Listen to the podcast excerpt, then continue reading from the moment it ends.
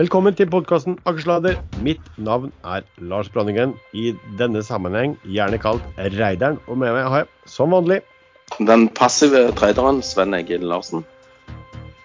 Og den aktive jallakongen og longinvestoren Erlend Henriksen.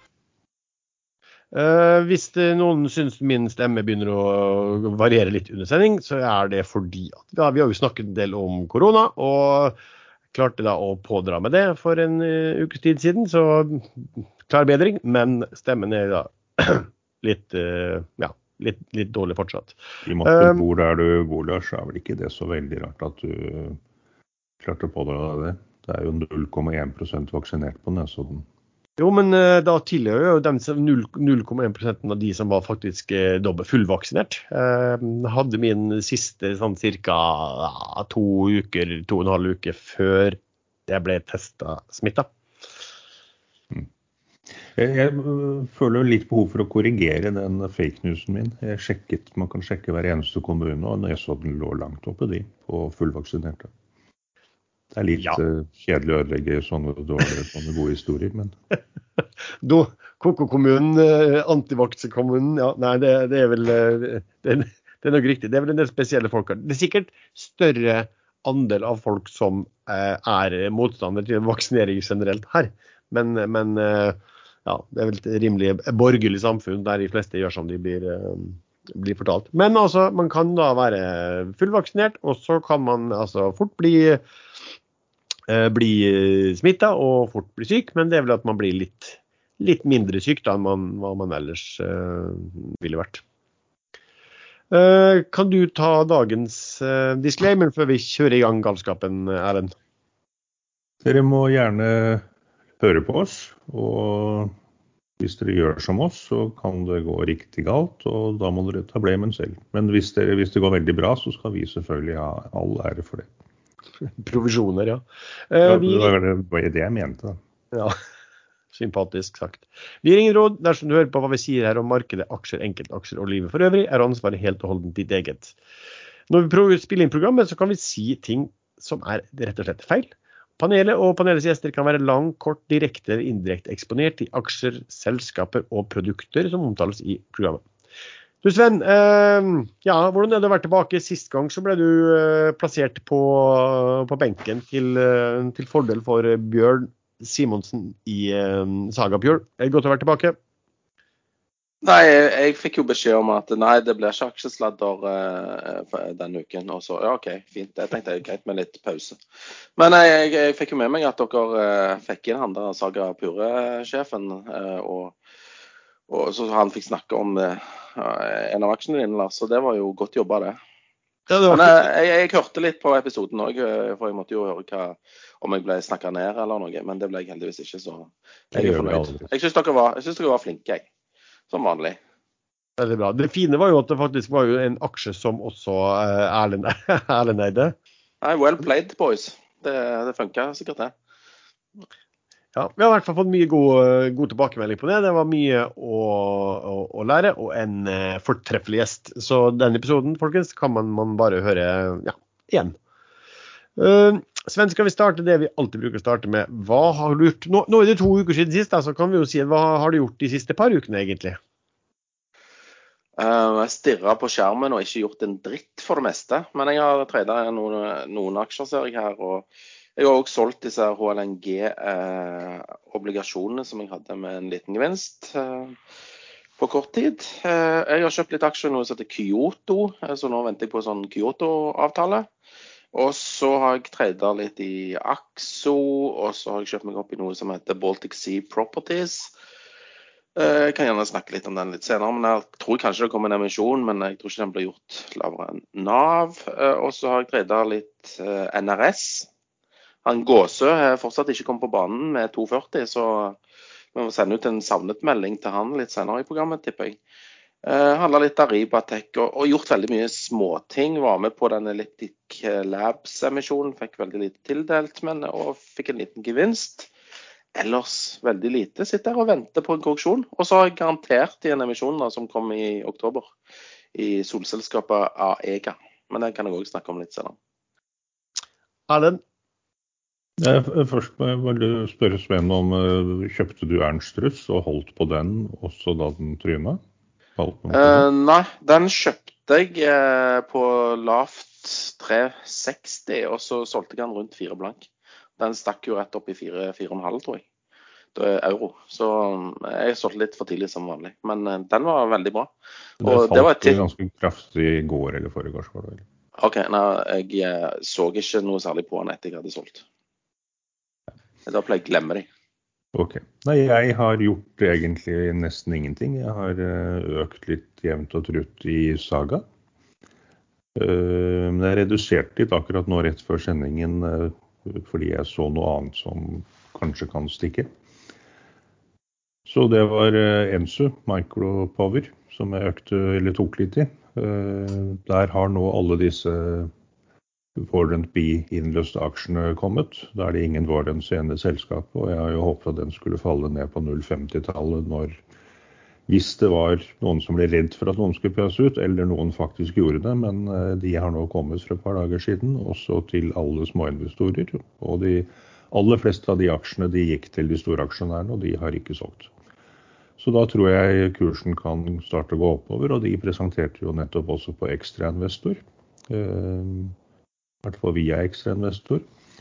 Og har flere presentasjoner framover. Så plutselig stikker den. Den har vært oppe igjen noen og tjue før. Den kan gå dit igjen. Okay, og så har jeg eh, selvfølgelig da Naked i USA. Da jeg klarer ikke å kvitte meg med den. Case er det samme. Vi venter på nyheter. For min del har jeg, har jo vært syk, og når man er syk, så kjeder man seg jo litt. Da, ikke var det så veldig mye fotball alltid heller, så da endte man jo opp med faktisk tredjedel. Uh, ja, altså, har, Vi har jo snakket om uh, Valaris, og caset var at når den begynte å bevege seg over 30, så tenkte jeg at OK, nok er nok der. Uh, så jeg solgte meg ut av den. Hadde jo da sittet på den igjen ja, en hel del måneder, faktisk. Fra, så, så, den var veldig bra. Jeg har uh, solgt litt ned i det som heter NOAP, som er en sånn uh, lakse- eller fiskeoppdrett uh, på land, faktisk. Men en av de som har hatt en pen kursutvikling. Jeg har kjøpt litt, litt grann side med offshore. Jeg har vært og tradet litt inn og ut av Flyr. Um, så har jeg da gjort, kjøpt en god del NRS, altså Norway Royal Salmon.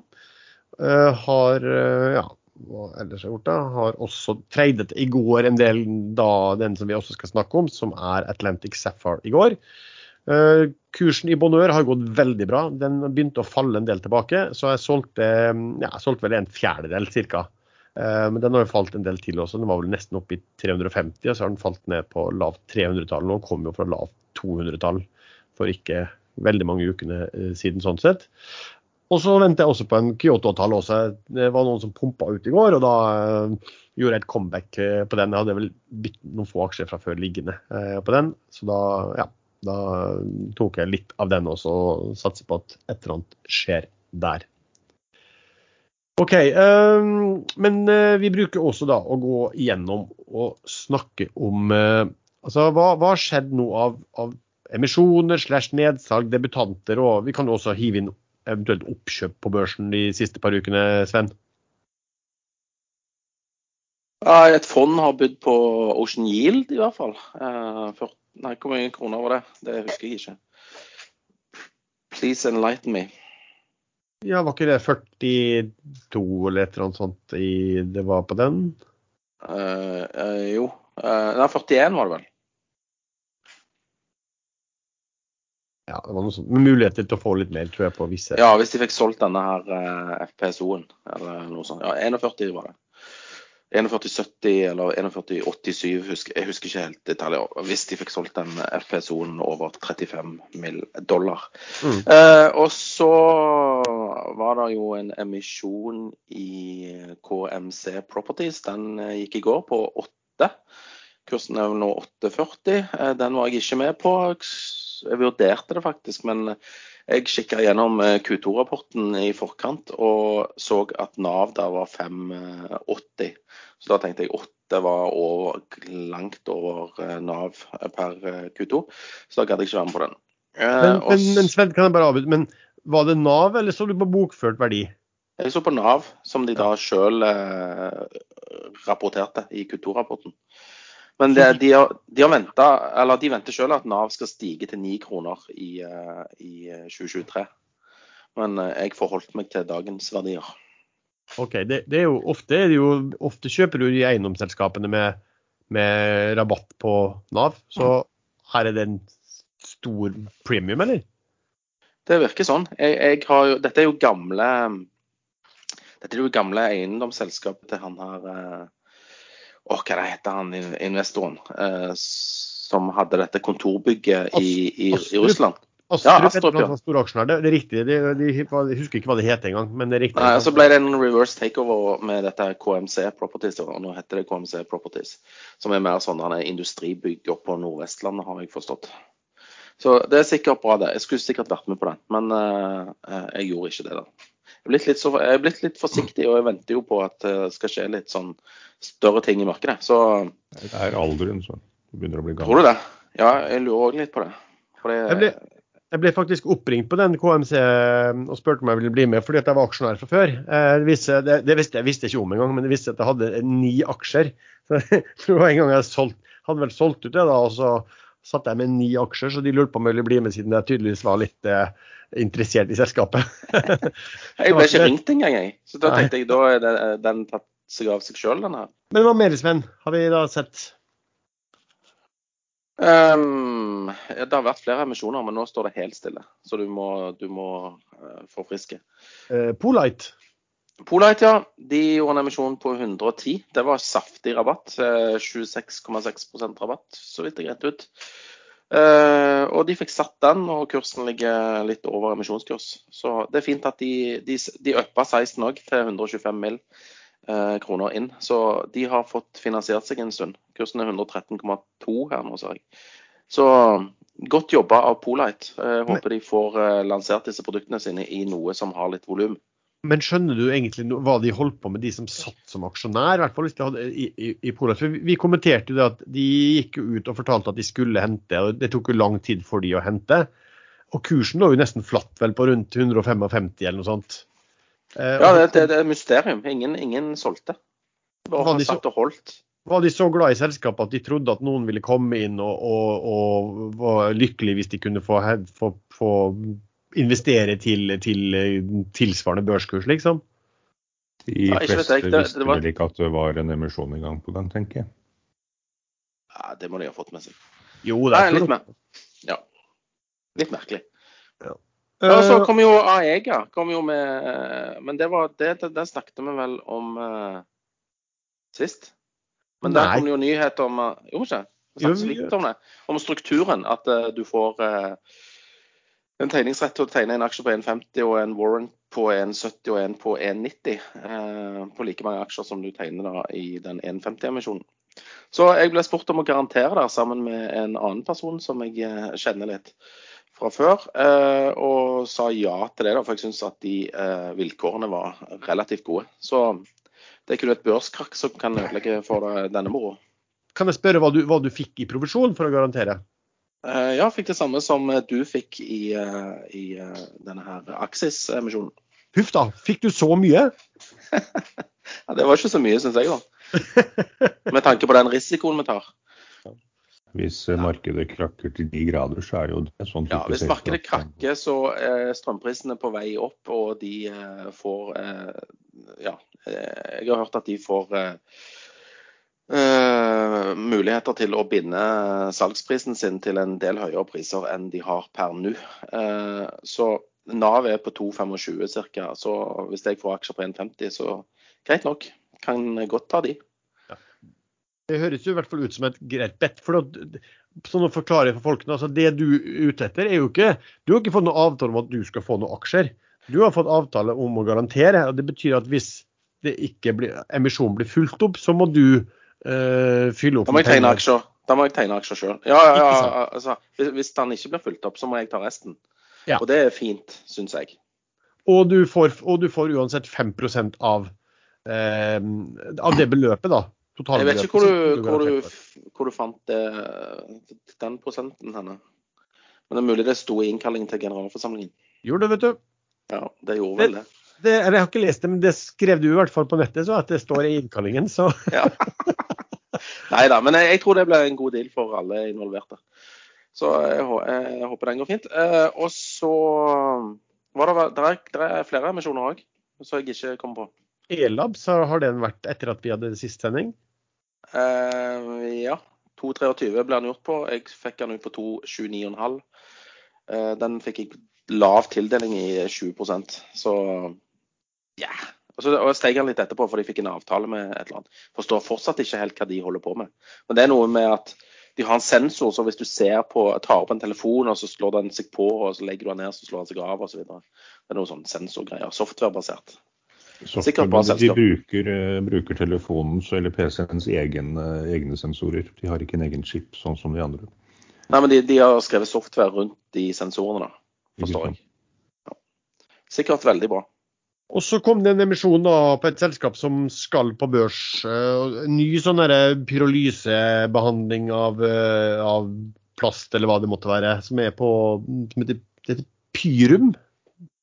Ja, tysk selskap. Tysk selskap backa av BASF. Så jeg tror de var inne med 16 mill. eh, euro der. De er Så også de, sammen med Qful backet av eh, BASF. Ja, jeg tror eh, BASF de tar og satser litt bredt i den sektoren der. Men disse skal da resirkulere bildekk. Og gjøre det om Ja. til noe energibasert. Men det er faktisk eh, siste jeg leste. eller Før så gikk jo alle bildekk til Øst-Europa eller Kina og ble brent på bålet der.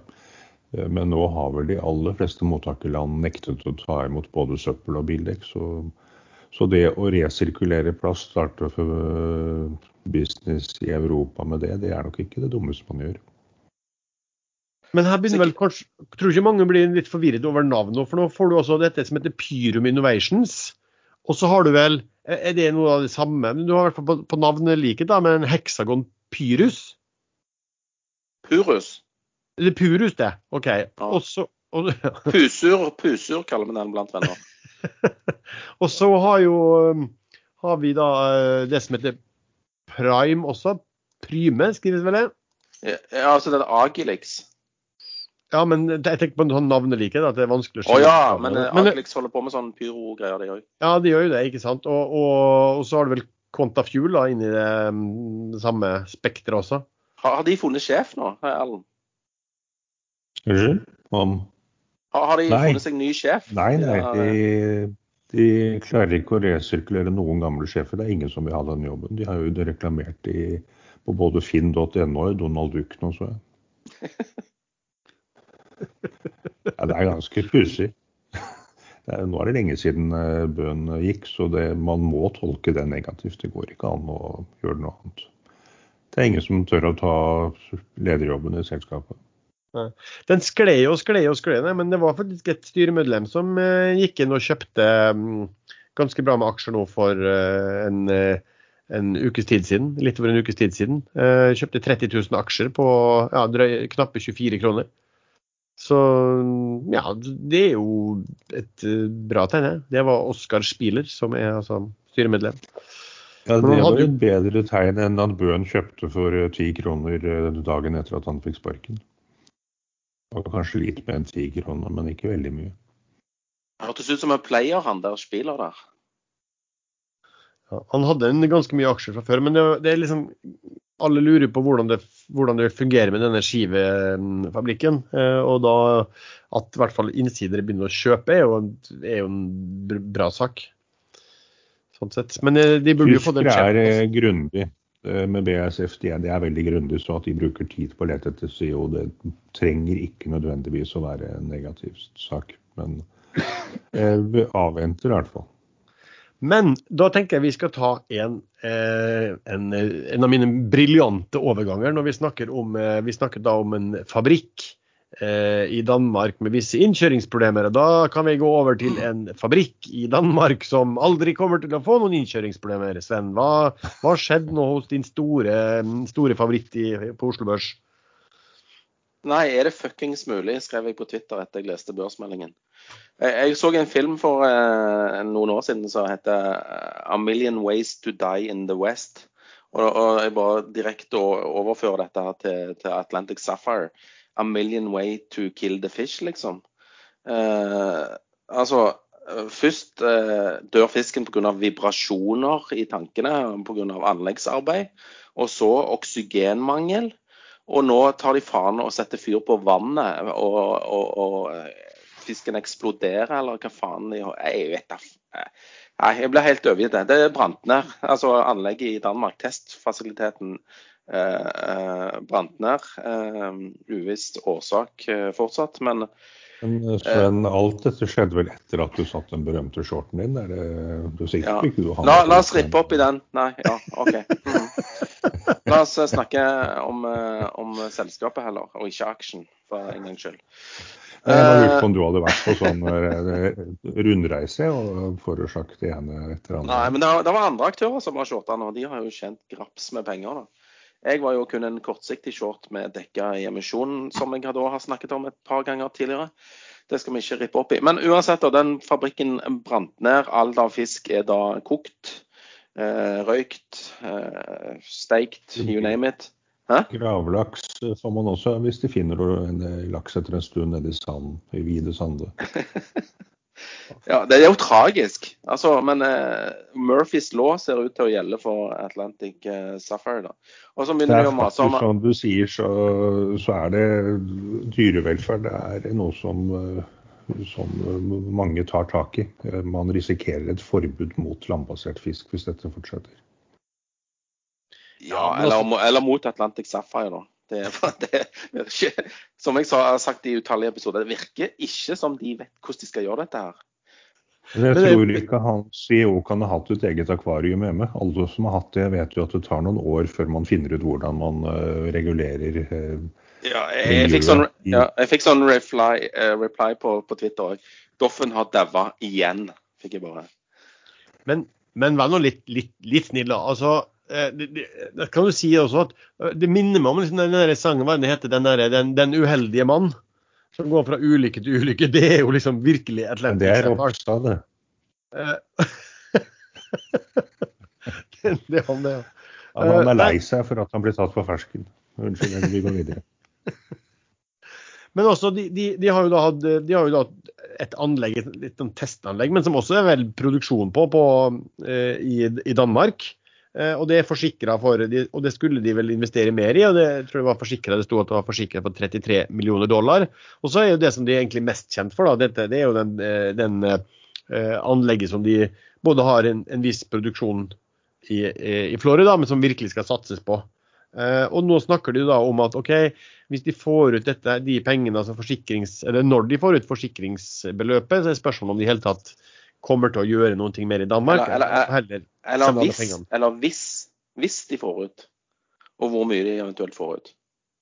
Fordi De må jo finne årsaken til dette her, og hva skjedde. og Hvordan, hvordan, hvordan kan vann, altså tanker med fisk og sånn brenne, liksom?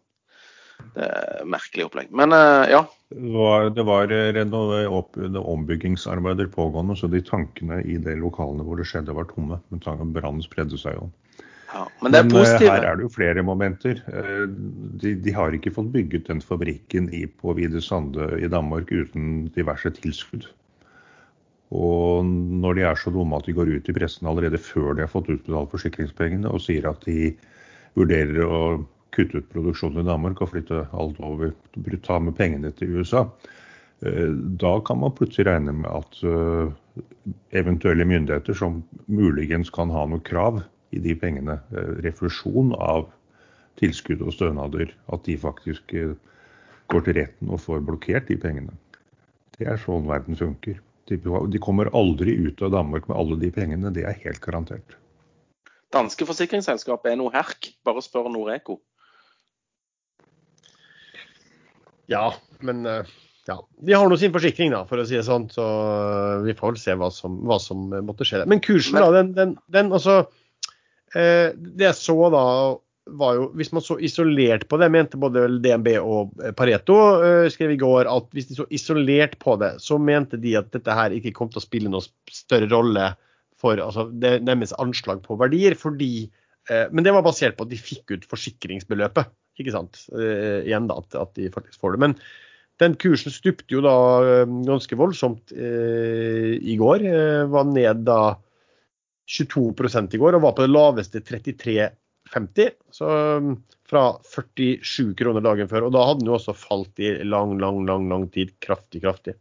Men har rekulert en del um, ja, etter, etter, åpning i går. Og så uh, har den fortsatt opp i dag, da. Så den ligger da på 38-tallet nå. Sånn sett. Var det noen, jeg treida jo den i går, det gikk jo med, med, med hell.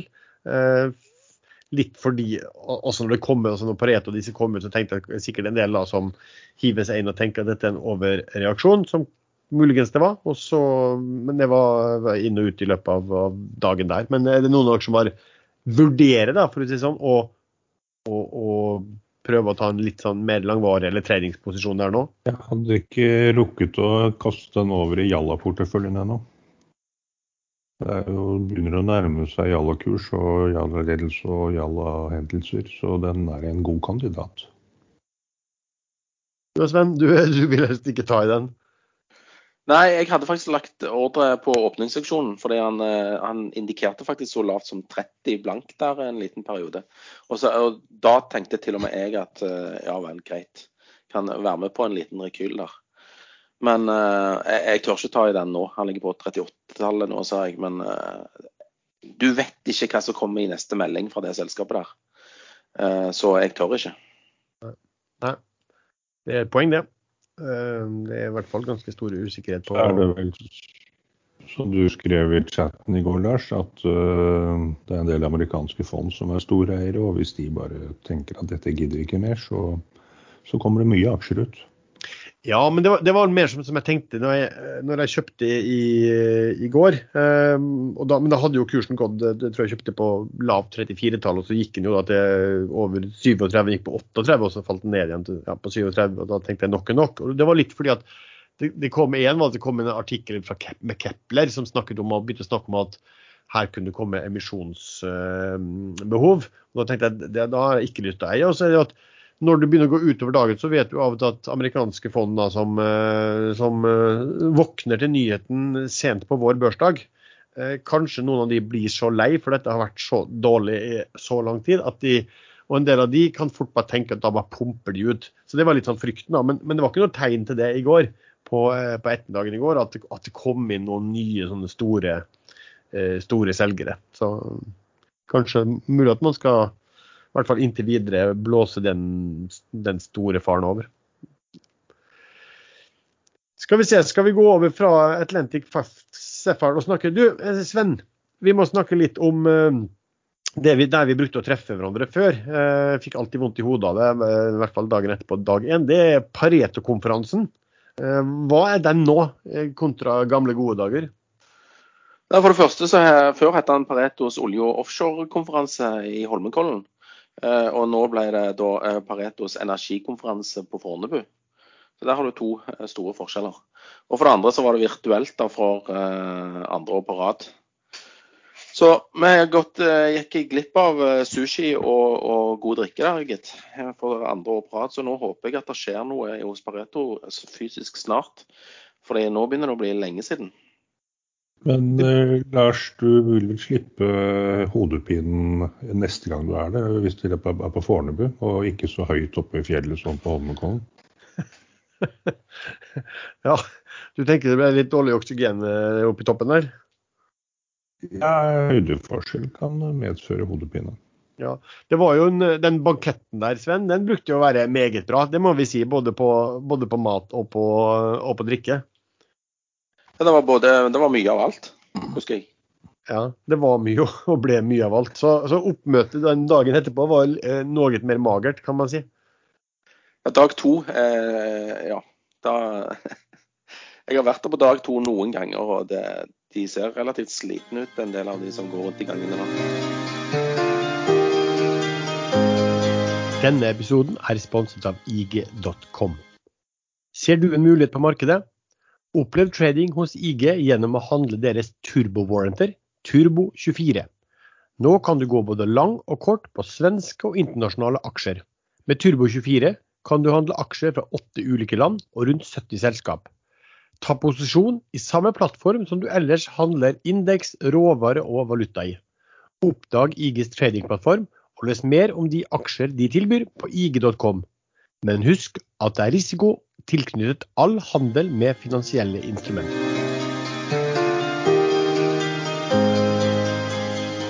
Du, um, Erlend.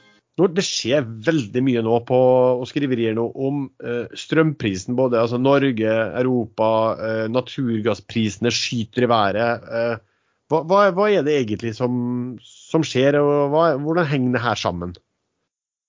Det er vel uh, mye av forklaringen. Nå henger alt sammen. Uh, de fleste land har nå utenlandskabler. Det er ikke bare Norge som har skaffet seg det, som sikkert mange tror. I hvert fall de som er veldig sinte på det. Norske vannmagasiner er veldig, veldig tomme, for å si det sånn. Det har vært veldig lite snø i fjellet i vinter. det har vært veldig tørr sommer. Så hvis vi ikke hadde hatt utenlandskabler, da ville vi sannsynligvis hatt uh, strømrestriksjoner i Norge. Fordi det hadde ikke vært mulig å produsere nok. Uh, da måtte vi begynne å spare. Uh, så utenlandskablene de går begge veier. De går ikke bare ut av landet, de går også inn i landet. Og da får vi energimiks hele tiden, hver dag, døgnet rundt. Fra EU og Norge. Og nå er det også laget en kabel bort til UK, men den er vel ikke koblet på ennå. Eh, og da skjedde plutselig det som eh, alt skjer negativt samtidig. Det, det, har nesten ikke blåst i Europa i sommer. Eh, klimaet har endret seg litt, ser det ut som. Så det har vært veldig lite vind. I mange år så har atomkraftverk blitt stengt ned. Noe av det er vel lagt på is i påvente av at man skal klare å produsere nok annen strøm så har jo gassprisen gått ekstremt opp samtidig. Eh, kullprisen vet jeg ikke om har gått opp eller ned, men der skal jo kullkraftverk fases ut. Og denne russiske kabelen med gass, eh, Nord Stream 1 eh, eller 2, det husker jeg aldri navnet på, den er ennå ikke koblet på.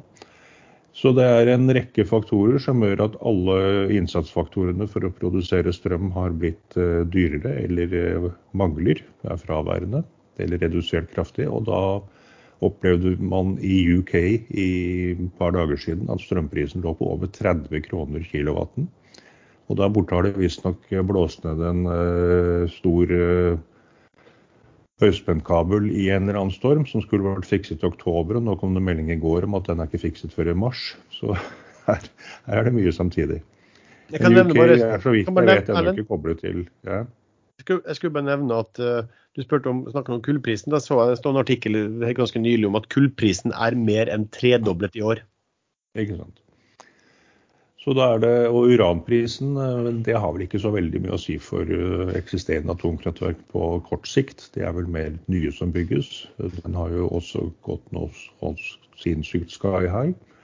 Og der eh, vil jeg gjerne rette en hard pekefinger mot Erlend Arnøy, vår fjerde mann i panelet, som ikke har tvunget meg til å kjøpe uranaksjer før den steg så kraftig. Han har vel nevnt 3718 ganger på ekstrainvestor at den må man kjøpe, men han har ikke sagt at, uh, at jeg måtte.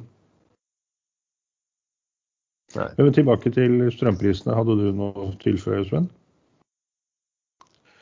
Nei, men eh, hvis dere ser på Oslo Børs nå, så står pila rett i kjelleren. Det er eh, veldig mye sånn Så ut som veldig heftig algoritmehandel her for øyeblikket.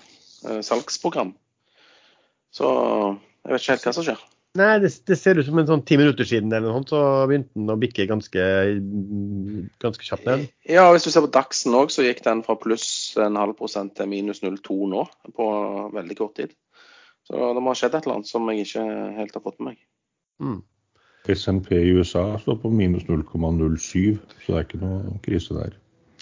Men det, men, det, men det, med strømprisene, Erlend, hva, hva, hva, er dette her noe altså, Hvordan skal man innrette Er, det, er dette noe som man kan, kan liksom utnytte tradingmessig nå, eller, eller, er det noe prising er det, er det noen ting her som er veldig midlertidig, eller er det noen ting som kan skje her som kommer til å gå over lang tid?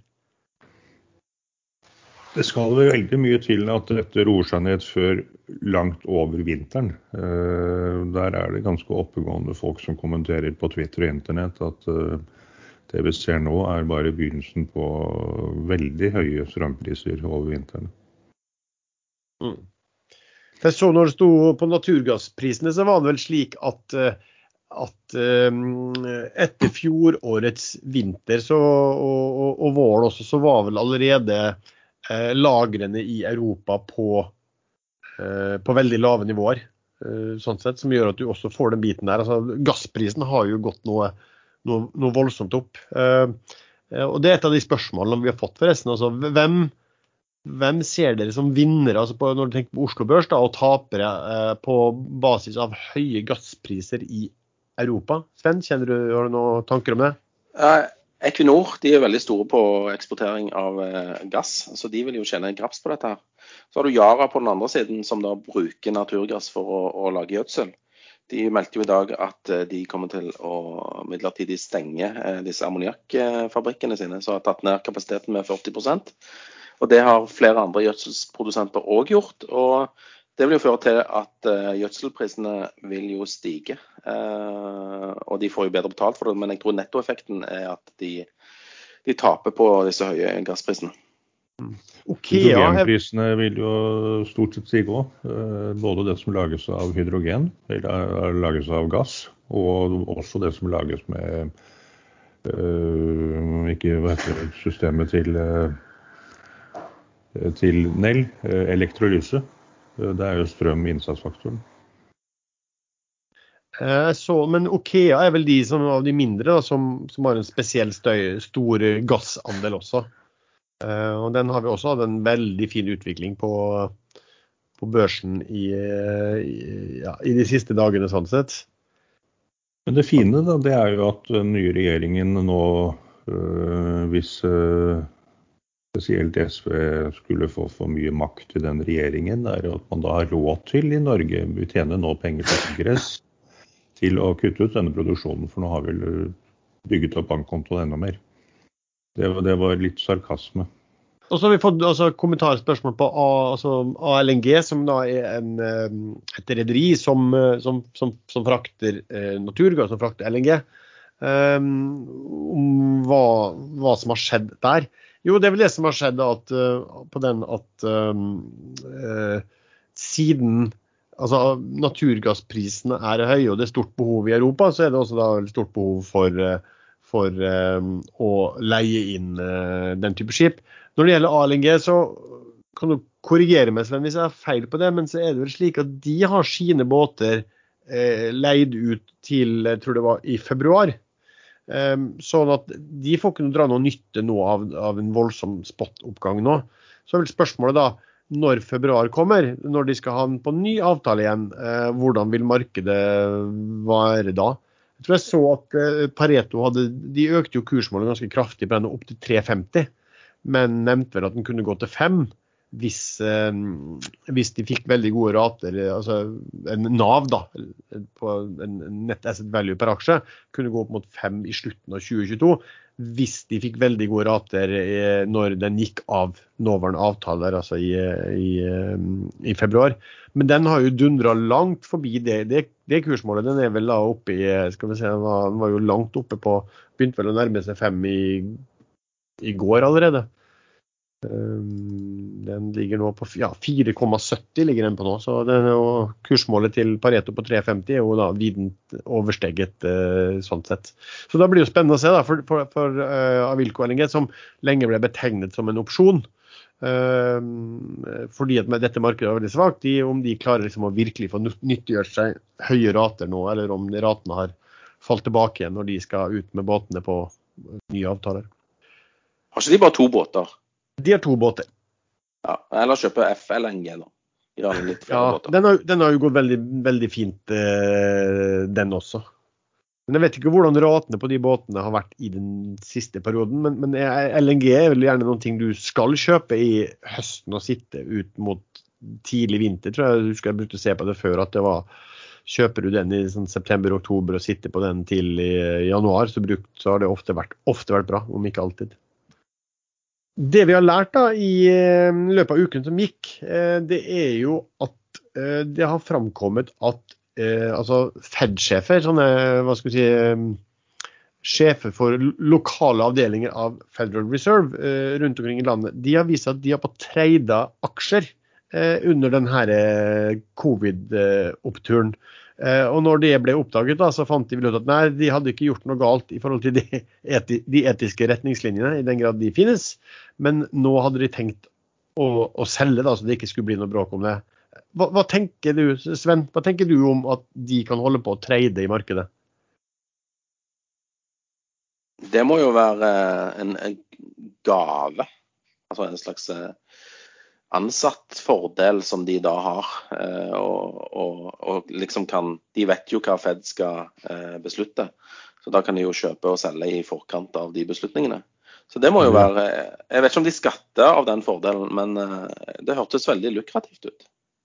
Det har de jo gjort også. Det har man vel klart å påvise hva de har kjøpt og solgt. Men eh, de har jo ikke engang en disclaimer når de har disse Fed eh, offisielle, eh, ikke møtene, men når de snakker. Når Powell er ute og snakker på TV, da må han ha disklemmer. At vi kan være long, short i produktene vi, vi omtaler. Ja, for de beslutningene de, har, de, de gjør, eh, de vet jo hvordan ting ligger an. Og de har jo helt ekstra, altså det vet vi jo, de har jo det er det som er den store påvirkningen på aksjemarkedet som sådan. Eh, så du kan sitte og ta de beslutningene og ha full innsyn i hva som skjer, også, som ikke andre har. Og så kan du samtidig sitte og, og, og handle. Det, det jo, føles vel litt som en, sånn, en, en, eh, carte blanche til å få liksom, din egen pengetrykkemaskin hjemme. Eh, men når det skal sies, da, så, så, er det jo sånn at politikere også er vel sånn at de som sitter i Senatet og Kongressen og sånn, de, de, har vel også lov å holde på å trade masse. Og, og, om de er medlemmer av komiteer og sånn, så blir ikke de noen innsidere eh, på det. Eh, husker bl.a. at det var, var, mye om altså Det har mange som har tjent mye penger på å sitte i, i komiteer som har med sånn, de som har med altså biotek og legemiddel og alt det å gjøre. Og uh, det var vel slik også når eh, covid kom, så, så hadde de vel sånne egne hemmelige uh, orienteringer til kongressmedlemmene. Som da der var flere løp ut og, og solgte ut uh, hele aksjeporteføljen sin, samtidig som de fortalte det på TV til sine konstituenter hjemme, da, velgere hjemme, at dette var ikke så mye å være urolig for. Verden, verden vil bedras. Et annet tema da, som vi har snakket litt om uh, i den siste perioden, uh, som egentlig vokser seg større og større i, i Kina, med det velklingende navnet Evergrande. Eh, den store boligprodusenten er det vel, og utbyggeren. Sven, hva, hva, er det som har skjedd der da de siste ukene?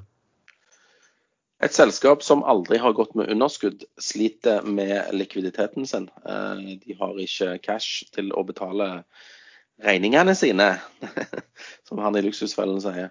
Eh, så de skal betale rentekuponger på noe banklån her eh, til uka, og det er venta at de ikke kommer til å gjøre det. Og da eh, får du et mislighold, en default.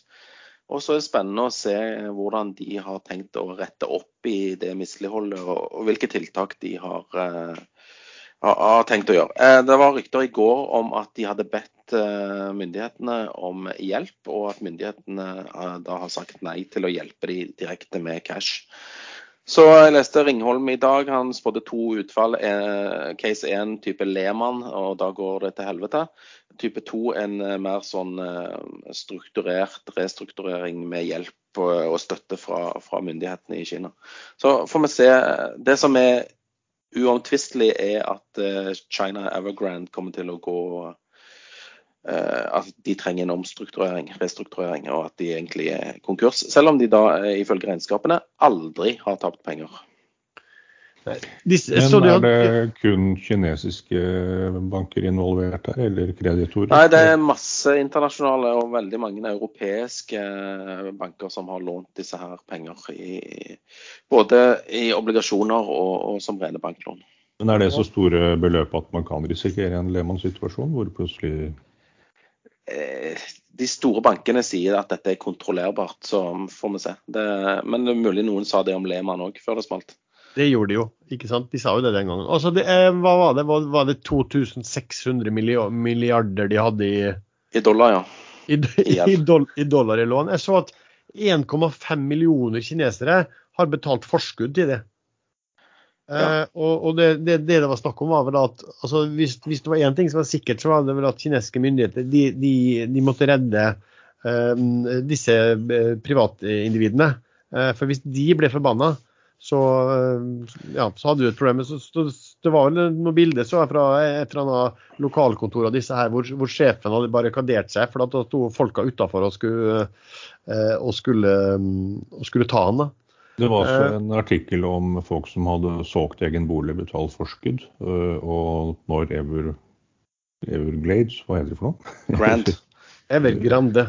Evergrande boliger ikke var ferdig, så måtte de flytte inn, for de hadde ikke noe annet sted å bo. Eh, Flytte inn i uferdig bygg uten vinduer, uten strøm, uten vann. Eh, Det er jo litt kjedelig, særlig hvis du har små barn. Kaldt. Men, du, men du, som, du, som, eh, du er jo i si, entreprenørbransjen sjøl, Erlend, og du har vel sikkert sett mye aktører. Det blir jo ikke noe sånn annerledes enn at hvis alle vet et, selskap som skal bygge noe, og alle vet at de ikke har penger til å betale for seg, da hva, hva gjør du da? Eh, setter du i gang å jobbe på krita, eller ber du om å få pengene med en gang før du begynner? Nei, selvfølgelig. Man øh, jobber jo ikke for et sånt selskap uten å få fors forskuddsbetalt. Nei. Så det baller jo på seg. Alt rakner når sånt blir prekært. Og, og det har jo begynt å spre seg til de andre boligutbyggerne òg, fordi at eh, ja, eh, det, det er mistanke om at det, det er flere har bokført eh, ting som Evergrand Evergrande har bokført ting. Og da kan du få Du kan få et litt eh, krevende boligmarked i Kina framover. Ja. Men det gir det- også ringvirkninger. Eh, sa du nå, Lars? Eh, jernmalmpriser. Eh, det er mye forskaling. Eh, armering i, i boligbygging. Eh, hvis dette bråstopper nå i Kina. Det har jo vært alltid snakk om mye spøkelsesbyer i Kina og at de står tomme, men det har jo vært full, eh, full rulle eh, på siden eh, for det. Men hvis alt bråstopper nå, så vil dette få påvirkning på jernmalmpriser, på sementpriser og alt annet man trenger i bygg. Glass, eh, kobber, rør, alt sammen. Ringholm sa vel at 40 av den kinesiske privatpersonenes formue var plassert i eiendomsmarkedet. Og han betegna det som, som verdens viktigste bransje, var den enorme kinesiske eiendomsbransjen. Ikke sant? Fordi at eh, de, det de kreves så mye type altså råvarer også for å, for å, å, å drive den framover. Um, så det her er jo noen ting man absolutt burde um, burde følge med på. Spørsmålet er bare om at enten er det for at man altså, Har man blitt sånn da etter de krisene som har vært, at man antar at uansett hvor gærent det er, så kommer eh, myndighetene inn og rydder opp nå med nye penger som de ja, trykker, trykker de også, og løser, og løser det her på en veldig grei måte. Eh, men, men tror du at markedet overser den reelle risikoen her, eh, Sven, eller? Nå kom det akkurat melding i Softox at de stiller seg uforstående til eh, Miljødirektoratets eh, holdning her. Så jeg vet ikke, Allen, om du vil ta en liten Softox-oppdatering her, hvis du klarer å lese litt fort. Ja, ta og Snakk om litt annet, skal jeg lese chapter. Ja, Hva var det du spurte om, Lars? Jeg ble litt satt ut. Jeg spurte tror du at eh, markedet altså, neglisjerer litt risikoen på, eh, på Evergrande. For alt har gått så bra, og vi har vært gjennom kriser de siste de 10-20 årene. Og, og, og markedet løser alt, og, og kineserne har Ja, ja. Kineserne har jo bare tatt opp ny gjeld og bare fortsatt byggingen. Eh, og, og fint det. Og utbyggerne har eh, på papiret tjent masse penger som de har reinvestert i å bygge nye boliger osv. Men allikevel, og jeg syns det er veldig rart at det selskapet Evergrande, som aldri har tatt penger, eh, eh, går tom for cash. Hvor blir det av cashen da, liksom? Legger det bare liksom som en aktiva på på balansen som da ikke er likvid, og som de ikke blir kvitt. Så ja, jeg tror markedet generelt, både her hjemme og, og globalt, eh, ikke har ikke har eh, tatt inn over seg risikoen for at eh, eiendomsmarkedet i Kina kan eh, krakke, rett og slett. Men, men har, har du noen sånn formening om hvordan vil altså hva, hva skal man som lytter da følge med på? Hvor, hvordan vil det utspille seg i så fall? Eh, Er det myndighetene som må gjøre en eller annen form for tabbe i håndteringen, eller hvordan? Ja, det, det, du må jo fylle på med gjeld for å, å, ta opp mer og mer gjeld for å kunne bygge mer og mer. Så hvis den gjeldsbiten der stopper, så vil jo byggingen stoppe, og da stopper jo veldig mye. Mm. Jeg, så, jeg, så, de hadde prøvd nå å snakke om at de, ja, de driver jo og prøver å gi betalinger med, med, med, med, boliger under bygging som ikke var ferdig, prøvde å betale med det, og, og prøvde å betale med parkeringsplasser og sånn. Tilbakebetale da også. Parkeringsplasser i Oslo tror jeg de hadde fått solgt, men jeg vet ikke om de får solgt uh, i Chengdu og alle de der rare byene der nede. Shenzhen. Nei, de er vel sikkert til, de tilknytta de, de, stedene. De er sikkert enorme områdene hvor de U Uferdig bolig med ferdig parkeringsplass vurderes ja. solgt. Ja, ikke sant. Det, det, det, er jo faktisk det man. Vurderes solgt. Det er alltid en uh, vinner. Ja.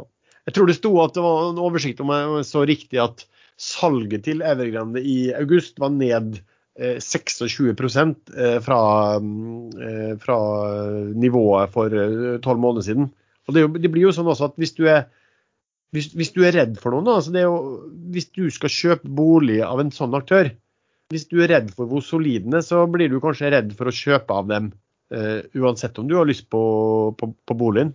Uh, altså Det kan jo være garantier og alt det. Hvis, hvis den du har kjøpt av går konk, så er jo ikke det verdt så mye. Og ikke vil du betale forskudd, i hvert fall. Nei, jeg holder, bygge, eller jeg holder ikke på å bygge, men jeg har kjøpt en rekkehytte som er under bygging og skal stå ferdig før vinteren. Og Der var det sånn garanti, eh, sånn kapittel 12-garanti. da, for Hvis utbygger gikk konk, så var garantien for at eh, boligen skulle bli eh, ferdig da, ferdigstilt. Så Jeg vet ikke om de har sånne type garantier i Kina, men det burde de kanskje ha. Nei, men igjen da, så hvis det, går en, hvis det, hvis det finnes sånne som er, altså der andre igjen er inne og, og har garantier videre også, så er det jo liksom, da har du sånn dominobrikke. da, det er, jo det, det er, jo det, man alltid er livredd for. altså Hele, hele Lehman Brothers og alt der var jo, det endte jo med som dominobrikker. ikke sant, og Vi husker jo hvordan det, det, slo til. og, og kineserne... Ja, de, de, eier, de, eier, så mye av hverandre. sånn at eh, hvis én ryker, så ryker jo mye. Mm. Ikke sant? Og Det er jo det vi ser da på børsen der borte også, i forhold til eh, tilsvarende aktører også, at, at, at alle sliter og det begynner å bli urolig. Så, så altså, Mitt tips er jo at myndighetene går inn og, og får, stoppet dette her, tar ansvaret for det her på en eller annen måte. Og, og i, sånn som i verden er i dag, så det, føler vel alltid myndighetene at det er enkelt. fordi at de går inn på, går inn på software-programmet sitt og trykker på, tryk, trykker på en knapp og vippser det nye penger. Softox, hva har skjedd? Ja, nei, Her fikk jo Softox for et par uker siden uh, godkjennelse fra denne innkjøpsordningen til staten om uh, innkjøp av uh, håndrens og overflaterens til helsebransjen. og Etter det så kjøpte de da et, et produksjonsanlegg i Telemark, OSO. Ikke OZ2 som varmtvannsbrødre, men OSO. Og nå kom det da melding fra Miljøverndepartementet, som har eh, Det er en sånn todelt søknadsprosess, visstnok, som mener at det aktive virkestoffet de bruker eh, i produktet sitt, ikke er godkjent innenfor covid-overgangsordningen. Så dette er noe veldig spissfindig byråkratiske eh, formuleringer som som jeg har faktisk forståelse for at Softox her ikke kan ha sett uh, muligheten for at skulle gripe inn, men som Miljødirektoratet uh, mener er overordnet, og har derfor nå på en eller annen måte avvist eller blokkert Softox søknad, så de ikke kan selge de produktene de nå har investert en god del i. Men akkurat det kjøpet Nå smalt denne... Eh, Softox rett ned i 40,05. 40, ikke sant. Men akkurat det selskapet har kjøpt i Telemark, det er en utgift på 3 millioner kroner som ikke skal betales før i 2023. Så det, det er ikke noe kritisk for selskapet sånn økonomisk sett. Men de har jo varslet at de må sette en emisjon, eller trenger penger. Det er jo relativt uprofesjonelt å varsle lenge før man henter inn pengene. Ehm, så kursen var allerede på vei ned fra godt over 50 etter at de fikk godkjent eh, salg til helsetjenesten. Eh, og nå kommer den til å fortsette å rase, tenker jeg. Men det er, eh, alltid noen som plukker fallende kniver, så på et eller annet punkt så vil den sikkert være et godt kjøp, så går den opp. Men sånn holder jeg meg unna. Det har jeg brent meg altfor mange ganger på. Så jeg avventer. Er, jeg syns det er synd med softbox. De har et fantastisk produkt, men eh, jeg klarer ikke å se at ledelsen er profesjonell nok. De må hente inn ordentlige folk. Og du er den mest politisk interesserte av oss, eh, Erlend. Jeg skulle snakke om Hofstad. At han er lei seg for at han blir tatt på fersken. Han kan du godt snakke om, men eh, vi kan starte med å snakke om Det var under temaet valgresultatet. Hva betyr det for børsen, og hva tenker du sånn ellers? Nei, I utgangspunktet så så man jo på børsen at den gikk vel ned litt i forkant, men det gjorde vel også USA, så det trenger ikke ha noe med det å gjøre i det hele tatt. Så etter, eh, etter at valgresultatet var klart, eh, så har det egentlig ikke skjedd noe særlig. Eh, markedet bryr seg veldig lite om om det er en Arbeiderparti- eller Høyre-dominert regjering som styrer, for de er såpass like uansett. Begge partiene er industrivennlige. Arbeiderpartiet har med seg Senterpartiet, som også er industrivennlig. Eh, og så må de ha enten eh, SV inn i regjeringen eller støtte fra SV og eventuelt andre. Men de tre partiene, SV, Ap og Senterpartiet, har flertall alene. Så det, en, eh, det, ble en relativt stabil situasjon, og da bryr ikke markedet seg noe særlig.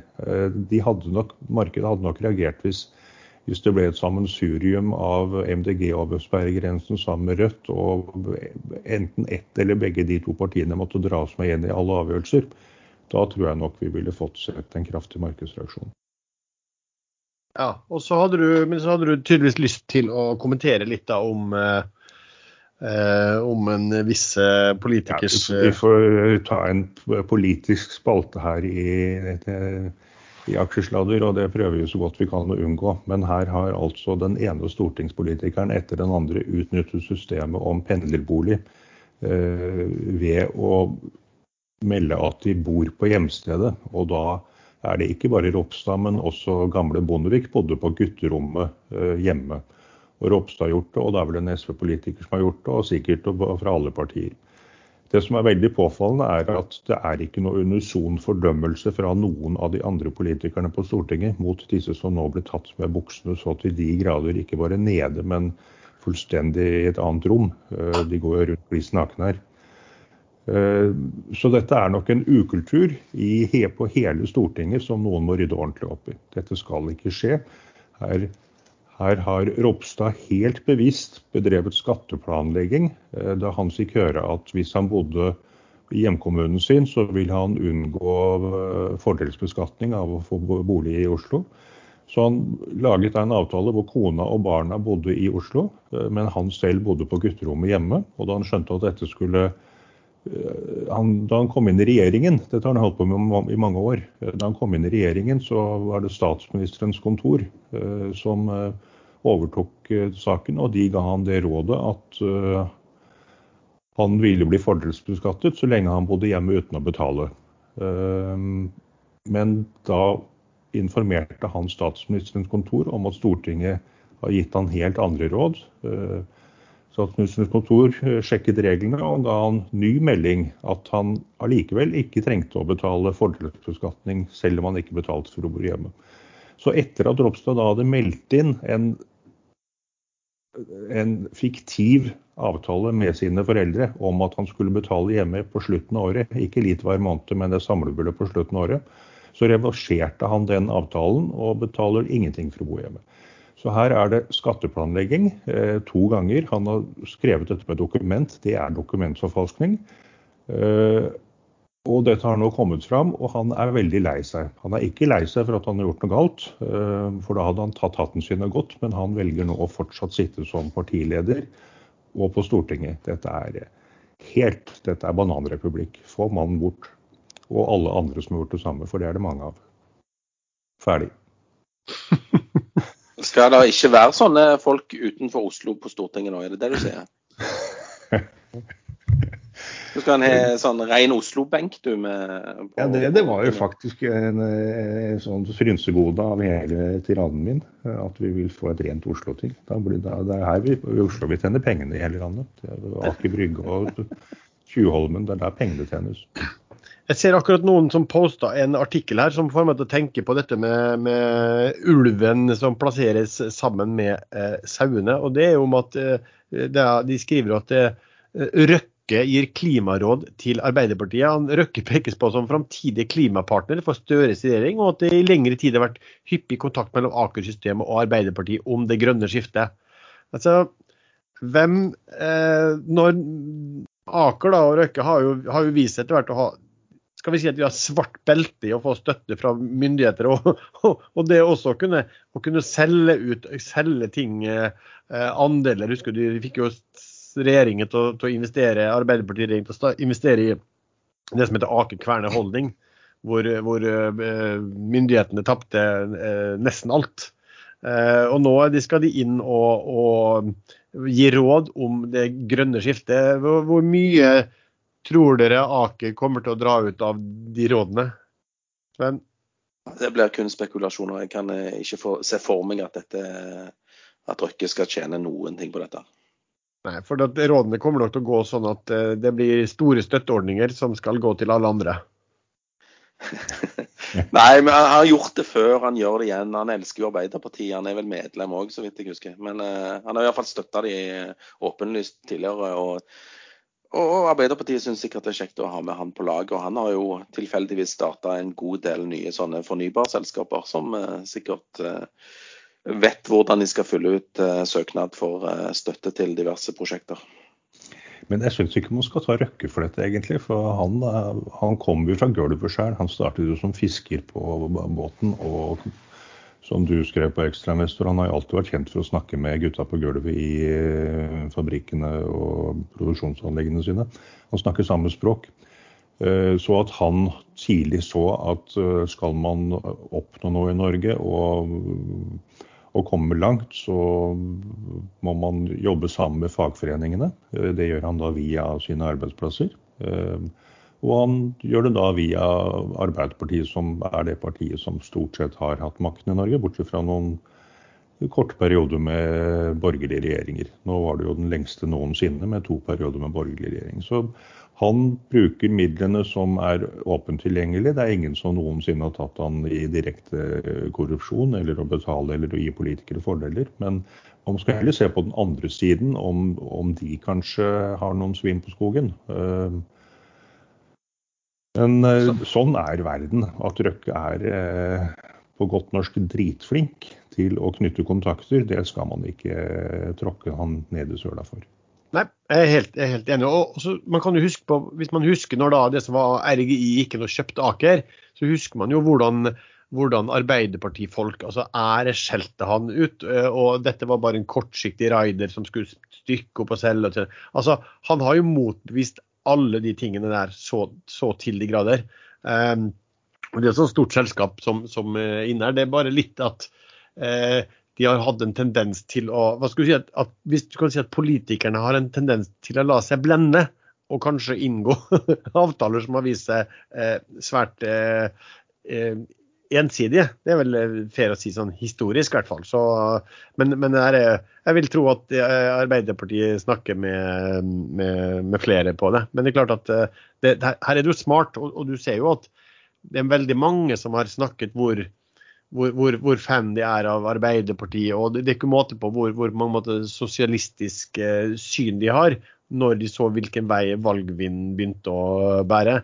Så Stordalen var jo ute og, fortalte hvor, hvor, hvor, hvor, stor glede det var å betale skatt. Eh, hvor, Som han ikke betaler? Nei, hvor Spetalen sa det at det var ikke noe problem for han å si det, for han, hadde jo ingen, han, betalte jo ingen skatt uansett. Det er verken inntekts- eller formuesskatt. Han har jo pengene plassert i eiendom som uh, verdivurderes på 20% vel kanskje av markedspris. Nå husker jeg ikke tallet, men så hans store formue den er i eiendom, og da får han ikke samme formuesskatten som andre. Og da kan han selvfølgelig si at det er ikke noe problem med formuesskatten. OK, nytt tema, eller rett og slett litt gammelt tema. Eh, Har vi Sven... snakket om Ropstad? Nei, nå skal vi snakke om en som eh, Sven hadde en flammende appell til opptil flere ganger for et par uker siden, nemlig uh, Gåse. Uh, hvordan ligger det an med det her, Sven? Har ikke hørt en dritt siden sist for å sitere en sang. Uh, nei, Norway Royal Salmon. Jeg venter på at noen skal komme og ta ut aksjene mine på 240. I mellomtida så På de to ukene så solgte jeg faktisk de jeg hadde kjøpt på 180-tallet på 191,4, eller hva det var. Uh, men nå har jeg kjøpt tilbake igjen på 184 og 183. Så nå venter jeg på Helge. Hvor er du henne? Uh, jeg hører at han bor på Frøya. og så vidt meg bekjent, så er jo eh, har du nære relasjoner til Frøya, Lars. Så du har vel òg kjøpt aksjer og venter på Helge? Ja, ja, ja. Det stemmer det. Kona mi er jo fra Frøya, så det betyr at barna mine som også nå har aksjer, er halve, halvveis frøyværinger. Da, så da kanskje min appell blir bedre enn din. Altså, men, Mulig han forstår litt... hva du uh, sier. For, uh, nei, forresten. Frøya, er det langt fra der du kommer fra? Ja, det er et stykke fra Molde. Det er jo på, på Trøndelagskysten. Altså, det er jo ikke, altså, de, er jo ikke så, de, de, er ikke kjempeglade i eh, moldensere der. Eh, det var vel en gang Molde det tror jeg ble slått Rosenborg, hvor jeg gikk på svigerforeldrene mine sin eiendom med en annen og, og heiste opp Molde-flagget i toppen av der. Den, den, den, den, kom ned og med klesja ketsjup på og med kniv i døra litt, litt senere. Så, men, men kunne, kunne, du kunne kanskje fått din kone til å spille inn en uh, appell, da, så du bare legger på dette programmet på sånn frøysk, eller hva det heter for noe. Sånn at, han, for, sånn at han forstår hva vi snakker om. Men dere tror altså at uh, han som da er CEO i et selskap som allerede eier over to tredjedeler av alle aksjene, og da kan gjøre mer eller mindre akkurat hva de vil, Eh, nå skal være snill og by det samme til dere som ikke klarte å få ut fingeren. Eh, han trenger ikke by. Han trenger ikke by. Han kan bare legge seg på 240 på bid, så skal han få aksjer. Ja, okay. Han ville jo men, ha eh, hele selskapet til ja, men, 240. Men nå skal jeg helle litt kaldt vann på, på dere her, og som kjent renner vann rett av gåsa. Så han kan, han kan gjøre absolutt ingenting i seks måneder. Eh, og så kan man legge inn bud på resten av aksjene. Og da er det det høyeste prisen de har betalt etter at de eh, kjøpte aksjene på 2,40 eh, som jo. gjelder. Ja, men han ser så, han ser så snill ut. Jeg men, tror han er snill. Erlend, du er litt feil ute. Men vi skal forklare litt folk hva som faktisk skjedde. For at Sven var litt sånn oppeisen sist gang med, i sin appell og glemte å fortelle hva som skjedde. Altså, NTS som, var, som, allerede eide en, eh, ja, noen og 30 vel? Ja, bare, bare, vet du hva NTS egentlig står for? Nei. Namsos Trafikkselskap. OK. Ja.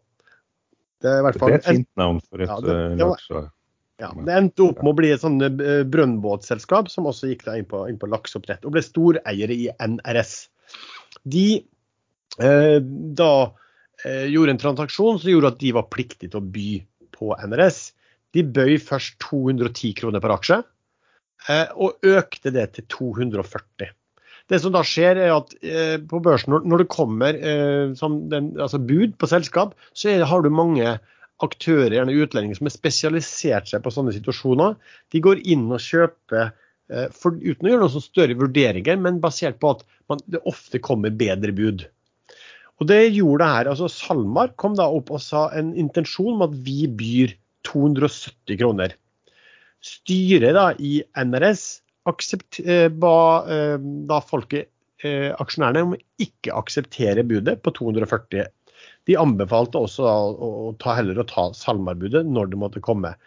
50 minutter da, før fristen fra NTS utløp, da hadde styret fått melding om at en storaksjonær ville, ville godta NTS-budet. og Det gjorde at SalMar aldri ville kunne nå fram med sitt bud. For de sa at vi vil bare eie hvis vi får over 50% og da var det plutselig umulig. Uh, og, så, så, da snudde da styret. Så man hadde altså 50 minutter på seg den ene dagen uh, til å følge med på børsen at, at, at det hadde skjedd en utvikling og at um, man da måtte akseptere budet. Det var det mange som ikke gjorde altså de, på, de, på, de, 50 eh, minuttene. Og eh, jeg vil tippe at de utlendingene syntes det var eh, sikkert særdeles useriøst, og, og, at man ikke da forlenget budfristen noen ting. Men i alle fall, da satt altså mange sånn forsmådde budspekulanter igjen med aks, aksjer. Eh, der altså budet ville bli droppet, som de hoppa på fra Salmar på 270, og fristen for 240 var utløpt. Eh, og hva gjør man da? Altså Har man strategi? Du, du har jo ikke en lang strategi. Eh, de selger ut. Så de har solgt aksjen ut nå fra, 200, fra da 240 og ned til 184. Så er da spørsmålet ja, jeg er helt enig i det, Erlend. Du kan gjøre det på den måten. Men du også, kan også tenke på en annen måte. Er det rimelig at kursen skal ligge en, øh, hva er det, en 24 øh, under kursen som man ikke godtok tre uker tidligere, og 32% lavere enn verdien som SalMar mente den hadde? Så det er jo én ting også. Hva, hva, hvordan vil det være å sitte long eh, i det selskapet her? Um, NRS har jo utviklet seg mye mye dårligere. Det, det er jo en ordentlig dog det siste året. Uh, mens jeg tror, jeg tror forskjellen på hvordan de og, og, Salmar og de andre har gjort det på børsen, er gjerne en, en 40% faktisk. Men det som, det som, var, som jeg syns var interessant da jeg begynte å se på det her, er følgende. Uh, jeg ser at utlendingene selger, de dumper. Og så er det én aktør som uh, kjøper. og Det er et norsk fonds, mindre sånn fondsselskap som heter Forte. Forte forvaltning. Uh, og jeg så da at Forte Norge hadde kjøpt, så de hadde ca. 6% av hele fondet sitt. De begynte å kjøpe etter at dette har skjedd, altså etter at buden, budfristen hadde gått ut. Men uh, der, i Forte Norge så utgjør nå aksjene tror jeg, ca. 6-7% av fondet. Det som er interessant med Forte, er følgende. De er trondheimsbasert. Og aktør, alle aktørene vi snakker om, er trønderske aktører. Men fremfor alt er det som jeg synes er interessant, er at Finn Haugan, da, som er, som mange kjenner som da, er mangeårig toppsjef i Sparebanken Midt-Norge, han er styreleder og medeier i Forte Norge. Og han kjenner eh, Gåsø og Salmar og alle disse her meget godt personlig. Så det kan jo være at de har fått noe innspill her og sier at det her er en veldig god eh, risk reward. Så spørsmålet nå er jo egentlig to, da. Det er er det en veldig god eh, er det en veldig god eh, risk reward å kjøpe selskapet som standalone. Det vil si altså at, at dette er, alt dette med budet gått ut, dette er en god aksje å kjøpe i forhold til andre lakseselskap. Og så er det andre er, Finnes det en sjanse for at, uh, at enten det gjentas et bud der, eller at, uh, at NTS, dvs. Si Gåsø, begynner å plukke aksjer igjen? Hvis jeg er riktig informert eh, og skjønt loven riktig, så er det sånn de har hatt et pliktig bud. De er ferdig med det. Eh, folk har valgt å ikke akseptere det. Det betyr at de nå står fritt til å kjøpe aksjer i markedet uten å måtte gi et nytt bud. De kan igjen komme med et frivillig bud, men de har ikke noe pliktig bud på lang, lang tid nå, fordi at de akkurat har gitt et pliktig bud. Så hvis jeg forstår det riktig, så så er spørsmålet eh, gir det da mening for de å kjøpe på 184 kroner på noe de nylig måtte betalt 240 for? Ja, tilsynelatende økonomisk, men hvis de har full kontroll, så kan det være at de ikke ser noe interesse eh, på det. Så det er litt sånn min vurdering på det, at det er en god risk reward fordi du har den mulige oppsiden eh, på at NTS kan komme på banen. og det er en eh, lakseaksje som uansett har underperformet de andre eh, lakseaksjene dramatisk mye de siste tolv månedene. Så vi får se. Men, men det, er en, det, er en, det, er en, fallende kniv, da. Og de, å plukke opp de, det bruker å gjøre vondt. Eh, så sånn sett så kjøper man det, så skal man egentlig ha en uh, stopplås uh, sjøl også på den. Den kjøper av dere på 150. Det er litt slem, det. Ja, ja, det, det, er lov. Og jeg tror ikke du får noe med på 150, for da, på 150 så eier han ikke eh, hvis han har kommet seg dit, for å si det sånn. Men jeg tror appellen, den får du, den får du ta, Sven. Den, den, har vi vel egentlig ferdig med? det, hva? Ja, og, men uh, du har jo hytte på Frøya, så det er jo bare å, å kjøre og så raske på litt her, da. Eller så. Eller så. Eller så.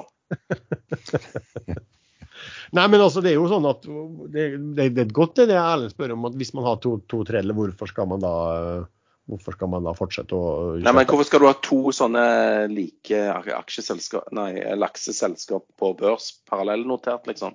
Jo, men kan heller ikke... bare avnotere, han kan bare avnotere eh, NRS, da, men eh, det er jo dårlig gjort. Det, det, det får han ikke til. Kan man ikke bare fusjonere dem? Jo, da må du ha Ja, ja. det, det, det kan han nok gjøre. Det, er- det er mye som kan gjøres. Men, og jeg tror det kommer til å bli gjort noe. Det er derfor jeg òg kjøpte den aksjen. Dette er folk på Frøya, så de gir vel blanke pokker i hva et hedgefond i USA måtte, måtte føle. Men, men jeg har en, jeg har, må jo si jeg har sympati for noen som uh, I den grad man skal ha sympati for de som spekulerer i oppkjøpssituasjoner, da, med at, at de, de, de har, har fulgt hva styret ga som råd, eh, og så snur styret eh, Ja, brått. de, de, de burde ha forlenga med noen dager, i hvert fall, sånn at folk fikk tid å fylle ut eh, akseptformularet. Og, og, og fyre opp skanneren og, og, og få det maila av gårde. Ja, og rett og slett få med seg, få med seg nyheten, ikke sant. Det er jo, det er Ja, jo, ja. Men, men altså eh, han, Nå var jo Gåse styremedlem, da, i, han var styrefor, styreformann i, i NRS, men han deltok selvfølgelig ikke i, i eh, behandlingen om det. Og, og jeg tipper at de har spurt han om man ikke kan forlenge det et par dager. Det ville være nesten rart hvis ikke, da. Men dette med at styret gir råd om å akseptere eller ikke, er ikke det egentlig en uting? Jeg mener å huske fra Sverige at det, det, det har de faktisk ikke lov til. Jeg er ikke sikker på det. Jeg tror at det er sånn at de er pliktige til å komme med I, ja, I alle oppkjøpssituasjoner uttaler styret seg. Eh, og enten sier de at de eh, anbefaler å akseptere budet, eller så sier de nei, eh, anbefaler ikke å akseptere, fordi at eh, vi ser verdier langt utover budprisen. Mm. Så det er helt vanlig. Det gjør de i alle oppkjøpssituasjoner i Norge.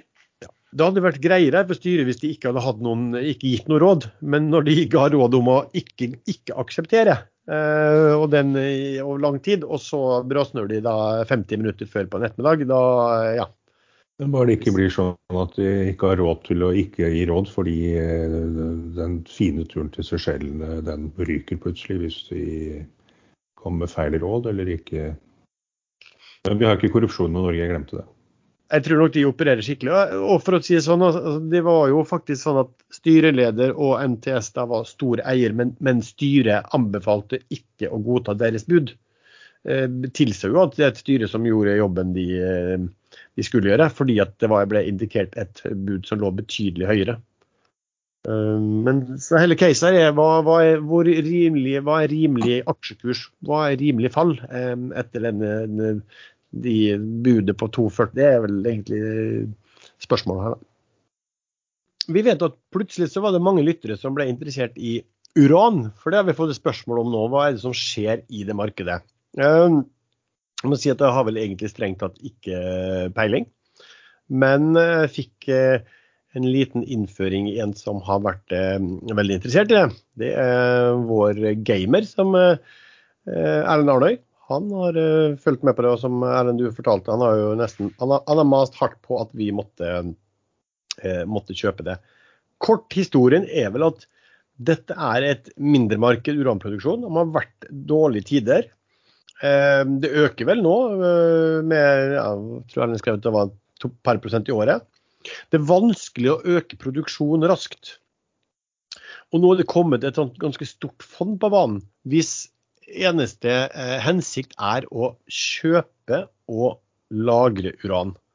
Um, og det er tydeligvis det som skal til, da, hvis det, at det kommer da en ny aktør som kjøper og lagrer. Og hvis det da er vanskelig å møte, øke produksjonen for uh, etterspørselen, så, så, gjør det kanskje at de kan dra den uranprisen eh, veldig høyt. Det er i hvert fall min korte forklaring, hvis jeg har skjønt det sånn noenlunde riktig. hva som har skjedd i det Og da blir det plutselig lønnsomt øh, å sette i gang ulønnsomme urangruveprosjekt.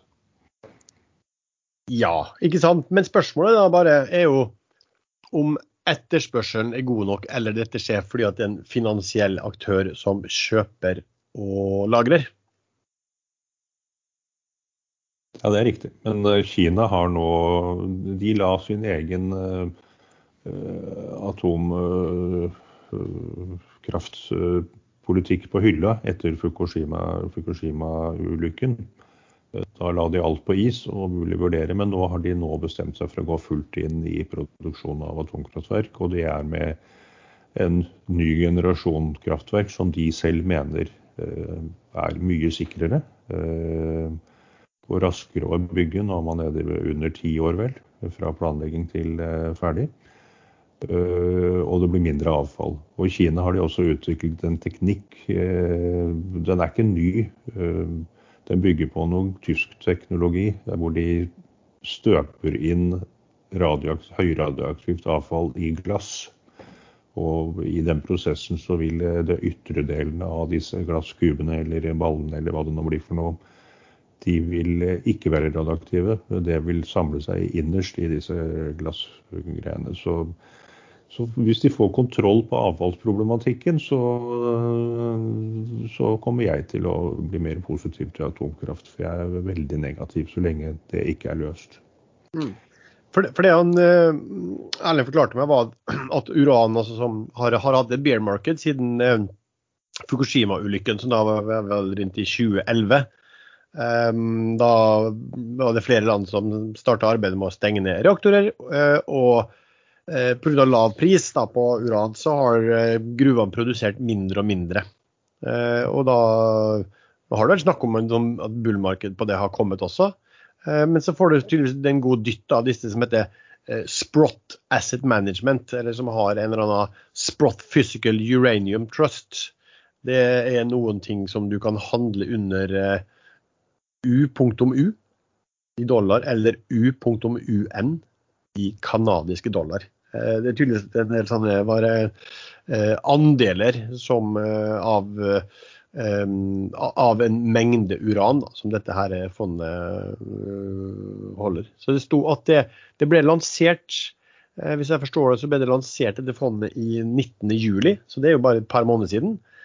Og det besto av originalt over 300 millioner andeler, som nå økte 1,3 milliarder. Da. Det er vel det de kan utstede. Jeg vet ikke hvordan, altså, hva, hva, de faktisk har utstedt, det, det er jeg usikker på, er mer usikker på. Men det er klart at eh, hvis de her er en som ikke selger, og som bare holder og lagrer, så tar de jo bort. Ja.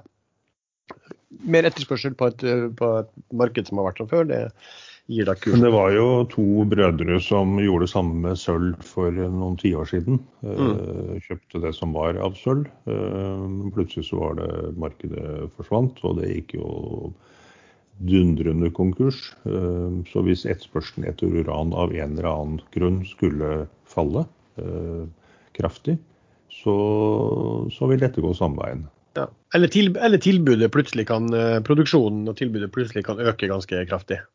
Ikke sant.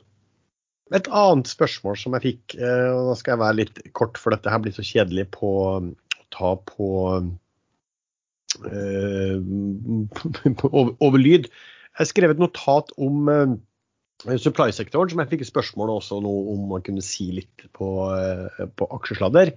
Uh, for det har vært skrevet veldig mye om om det er billig, og de, det ene og det andre om det er billig i forhold til bok, og det ene og det andre konk. Vi har snakket en hel del om både sol, særlig Solstad Offshore her og Doff her f.eks. Så det jeg gjorde, var at jeg forsøkte å sammenstille en del tall for Q2-tallene og prøvde å sammenligne de, da, de, ulike med hverandre for å se om det var en del sånn, konklusjoner som kunne gjøres. Og det, det, er bedre at du som lytter, hvis du er interessert i supply og har lyst til å se på sånn, hva skal vi si, en del sånn tallsammenligninger der, kan du heller gå inn på det. Da kan du gå inn på uh, Solstad-kanalen på Ekstrainvestor. Jeg skal ta og legge lenken til det i beskrivelsen til denne episoden. Eller så finner du den også på børsforumgruppen på, på Facebook. Carbon Transition, tikker CARBN, besluttet i juli at strategien skulle endres til å bli et investeringsselskap innenfor Energy Transition-området. Samtidig tilkjennega de at et konvertibelt lån i Arbaflame var den første investeringen. CEO Ronny Bøhn i Carbon Transition og CEO Bjørn Halvard Knappskog i Arbaflame kommer førstkommende tirsdag klokken 10.00 til ekstrainvestor for å presentere selskapene forklare hvorfor Arbaflame-investeringen passer så godt i Carbons nye strategi, samt svare på spørsmål fra seerne. Hvis du vil ha stilt spørsmål, kan du sende disse til ir.carbon.no, carbon.no som carbn.no. Du kan følge sendingen live og i opptak på Incubate og på Facebook. Lenkene til dette finnes i beskrivelsen til denne episoden. OK, eh, vi bruker jo å avslutte våre lange episoder med å høre om dere har noe spesielt dere skal se på i uken som eh, kommer. Sven, Jeg er jo skeptisk til eh, det generelle markedet, så jeg tar det veldig, veldig rolig. Jeg har kun kjøpt eh, Altså, for å holde litt, da har jeg kjøpt denne Baltic Sea Properties, tikker BALT, på, på Oslo. Oslo Børs. Eh, de eier logistikkeiendommer i Litauen. Nav per Q2 eh, 50,89 kroner. Jeg fikk tak i de aksjene på 50 og en halv og 51, så jeg kjøper det til Nav. Men jeg tror kanskje det kommer en eh, emisjon der. Men den tror jeg òg kanskje blir gjort til Nav eller bitte litt under. Så hvis det kommer en emisjon fordi at de har de satser litt på disse eiendommene. De var eh, type handelseiendom og eh, logistikkeiendom. De er nå blitt Pureplay logistikk. Eh, og det virker som det er veldig flinke folk, og de har slått seg sammen og kjøpt opp en del logistikkeiendommer. Eh, primært, eller det er vel bare i Litauen. Så jeg tror de kan bli store på dette feltet her. Så virker som de, de, har peiling på det de holder på med. De har solgt ut alt av handelseiendommer. Men det er ikke noe sånn som kommer til å gå masse kroner opp. Eh, kortsiktig, i hvert fall. Men, hvor, stort, eh, når, hvor, stort hvor, stort, er selskapet som markedsverdi på børsen? da? Ja, det har de. Skal vi se Altså det i hodet 350 mill. kroner er det priser til. Ja. Så, men jeg tror de kommer til å ekspandere videre på logistikkeiendommer i Litauen. Så jeg, jeg, tror det er en god plan. Så litt langsiktig, forsiktige penger har jeg putta der. OK. Erlend? Ja, nå har jeg jo akkurat nevnt uh, Ensearch Micropower, tikker Ensu, av uh, grunner som jeg har nevnt utallige ganger før. Og volumet er uh, lavt i kroner, men uh, det er fordi markedet er nervøst for at det skal komme mer på salg av innløste warrants. Så plutselig, når, når, hvis de ikke kommer, eh, som jeg ikke tror de vil, så tror jeg den kursen skal over en krone igjen. Og da er det pen oppside fra 0,72 som den er på nå. Eh, Saga har jeg fremdeles tro på, men mulig at jeg kommer til å bytte litt over i enkeltselskapene til Saga. Eh, Bergen Carbon Solutions eh, skrev på Facebook at de nå er oppe i Mosjøen, var det vel. CEO og COO for å ha samtaler der Eh, ved å overta et produksjonstomt, eh, eller en tomt som er ferdig tilrettelagt. Det er sikkert et industrimiljøområde hvor det er veier og strøm og lys og alt klart. Og den er på fem uh, acres, sto det. Og det er vel fem mål, er det ikke det? 5000 kvadratmeter. Så da kan de bygge et eller annet med relativt pen størrelse. Så det er hyggelig at de informerer via Facebook og Twitter om hva de holder på med. Eh, så Bergen Carbon Solutions kan være et alternativ å øke. Det det er veldig mye interessant i Saga, så, men det forklarte Bjørn Simonsen om alt, i, alt om i forrige episode. Så det er hovedsakelig det jeg ser på nå. Og Naked i USA de har fremdeles 270 millioner dollar eh, på bok. Eh, er gjeldfrie og er i forhandlinger om noen merch-greier. Så caset er akkurat som det har vært hele siden i sommer. Så det er hodle med ganske pen eh, mengde aksjer. Ja, For min del så sitter jeg jo selvfølgelig og følger med da på vår kjære lakseselskap. Ehm, for de som lytter på, så sier jeg vel heller at og det å falle, fange fallende kniver gjør stort sett vondt. Eh, hyggelig hvis du klarer å treffe en gang, men stort sett gjør det vondt. Så ha den på, litt på siden og, og se på om den stabiliserer seg, eller at det ser ut tegn på at disse forsmådde utlendingene eh, slutter å, å selge eh, noe særlig av den. Eh, ellers nei, jeg synes jeg var veldig fornøyd med hva man sa sist gang om Saga. Men det er et investeringsselskap, og eh, de skal bevise verdier. Men jeg tror f.eks. dette Heimdal Power, som de har som er ikke notert ennå, det tror jeg kommer til å vise en veldig fin verdi utvikling for dem.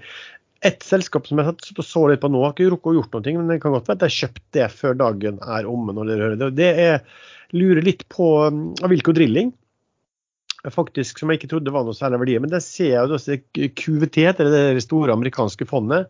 Eh, de børsmelder jo nå eh, nesten hver dag at de kjøper eh, at de kjøper aksjer ja, sånn rundt fire. Og da får man tenke på uh, hvorfor det. De er vel uh, ja, jeg vet ikke om de største, det er ikke største aksjene, men en av de aller største. og Jeg tror de sitter i styret også. Da kan det jo godt være at de har en eller annen syns at det er en veldig god uh, risk reward uh, på den. Så det er vel egentlig de som, uh, som, ja, som jeg kommer til å følge med sånn spesielt på, foruten om ja, de vanlige porteføljene i uken som, som kommer. Ja, det, er, det, er sikkert litt greit å følge med på elektrisitetspriser og gasspriser og oljepriser.